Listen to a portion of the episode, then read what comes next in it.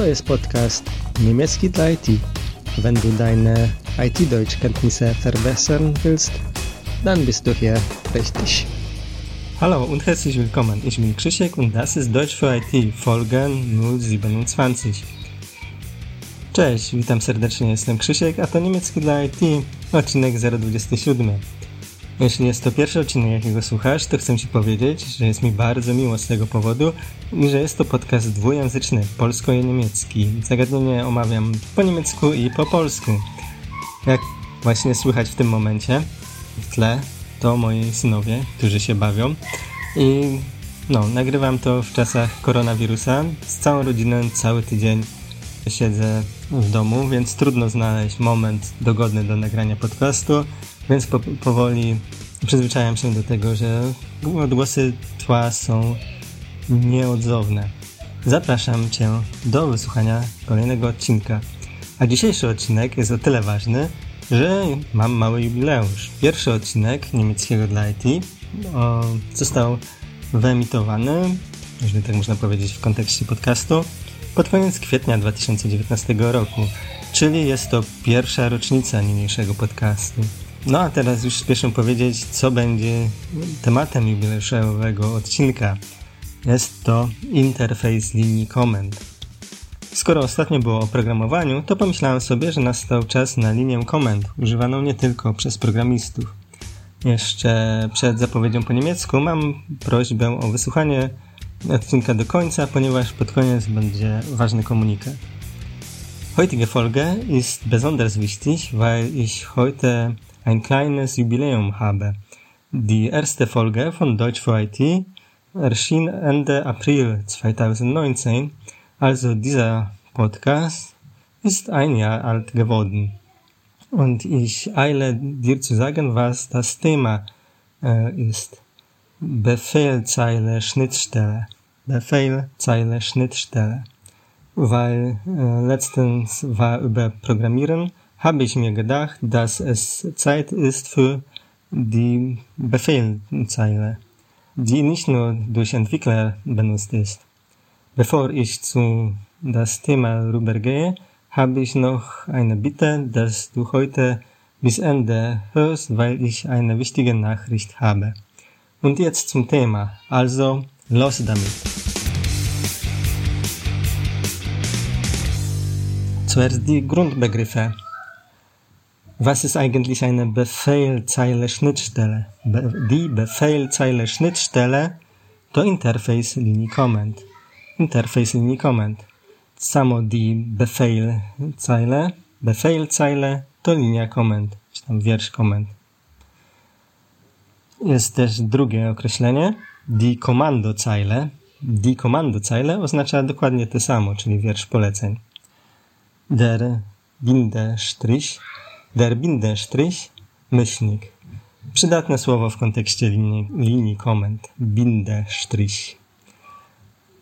Die Eingabeaufforderung. Die Eingabeaufforderung. Znak zachęty. Znak zachęty.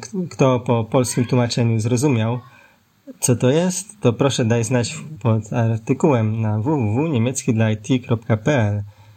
Taki mały konkurs ad hoc rozwiązanie za tydzień, czyli konkursem jest niemieckie słowo Eingabeaufforderung, po polsku oznacza znak zachęty.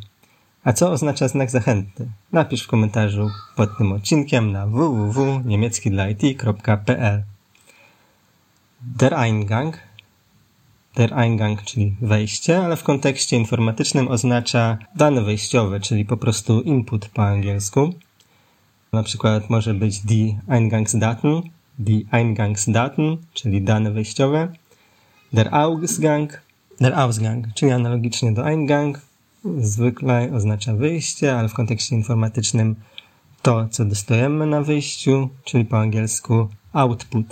I może być na przykład die Ausgangsdaten, die Ausgangsdaten, czyli dane wyjściowe. No i na końcu chyba der Befehl, der Befehl, tak tradycyjnie to rozkaz, ale w kontekście IT to jest właśnie komenda, polecenie i synonim das Kommando, das Kommando, czyli synonim do Befehl. Und jetzt ein bisschen äh, mehr praktisch. Trochę bardziej praktycznie teraz. Die Syntax eines Kommandos. Wie sieht sie aus? Also, zuerst ist das Kommando, dann ist die Option und dann am Ende sind die Parameter. Als Beispiel werde ich das Kommando ls nutzen. Es listet den Inhalt des Ordners. Und es kann drei Möglichkeiten geben, wie man das Befehl nutzt. Zuerst kann man nur ls ausführen und dann wird der Inhalt des Ordners gelistet. Man kann auch schreiben ls-la ls-la. Auf diese Weise bekommt, bekommt man als Ausgang eine detaillierte Liste auch mit den versteckten Dateien. Äh, die Buchstaben LA sind Optionen des Befehls ls. Die Optionen folgen immer einen Bindenstrich. Man kann auch den Befehl noch anders schreiben. ls, la, Sternchen, Punkt, txt. Also nochmal, ls, la, Sternchen, Punkt, txt. Als Ausgang bekommt man eine detaillierte Liste mit allen, auch versteckten TXT-Dateien. Hier das Stern.txt jest ein Parameter des Befehls. To teraz po polsku, to co przed chwilą powiedziałem po niemiecku, czyli składnia poleceń. Wygląda następująco. Najpierw jest polecenie, później opcja, a następnie parametry. Dla przykładu użyję polecenia ls. Listuje ono zawartość folderu.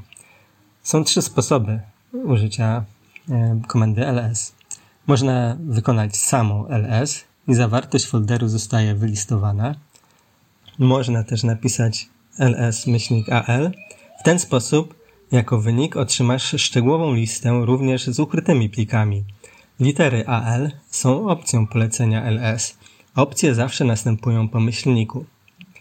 Można też to polecenie jeszcze inaczej napisać, mianowicie ls-al gwiazdka.txt ls-al gwiazdka.txt Jako wynik otrzymasz szczegółową listę ze wszystkimi, również ukrytymi plikami txt. W tym przypadku gwiazdka.txt jest parametrem polecenia ls. Und zu der Zusammenfassung.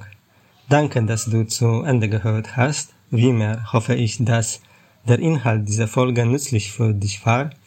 Wenn dir etwas zu diesem Thema fehlte, sag mir es bitte Bescheid. Entweder in den Kommentaren unter den Artikel auf www.niemiecki.pl oder per Mail niemiecki at gmail.com niemiecki at gmail.com Und jetzt die wichtige Nachricht.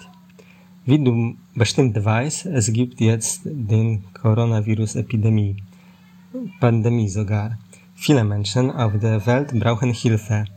Und die Menschen, die Hilfe bringen, brauchen sie auch. Darum habe ich beschlossen, dass das ganze Geld, die ich aus Buy Me a Coffee bekommen werde, werde ich an UNICEF spenden.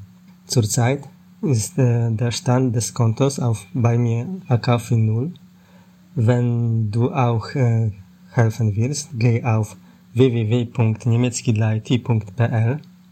Dort auf der Hauptseite rechts findest du den Button von Buy Me a Coffee und kauf mir einen Kaffee.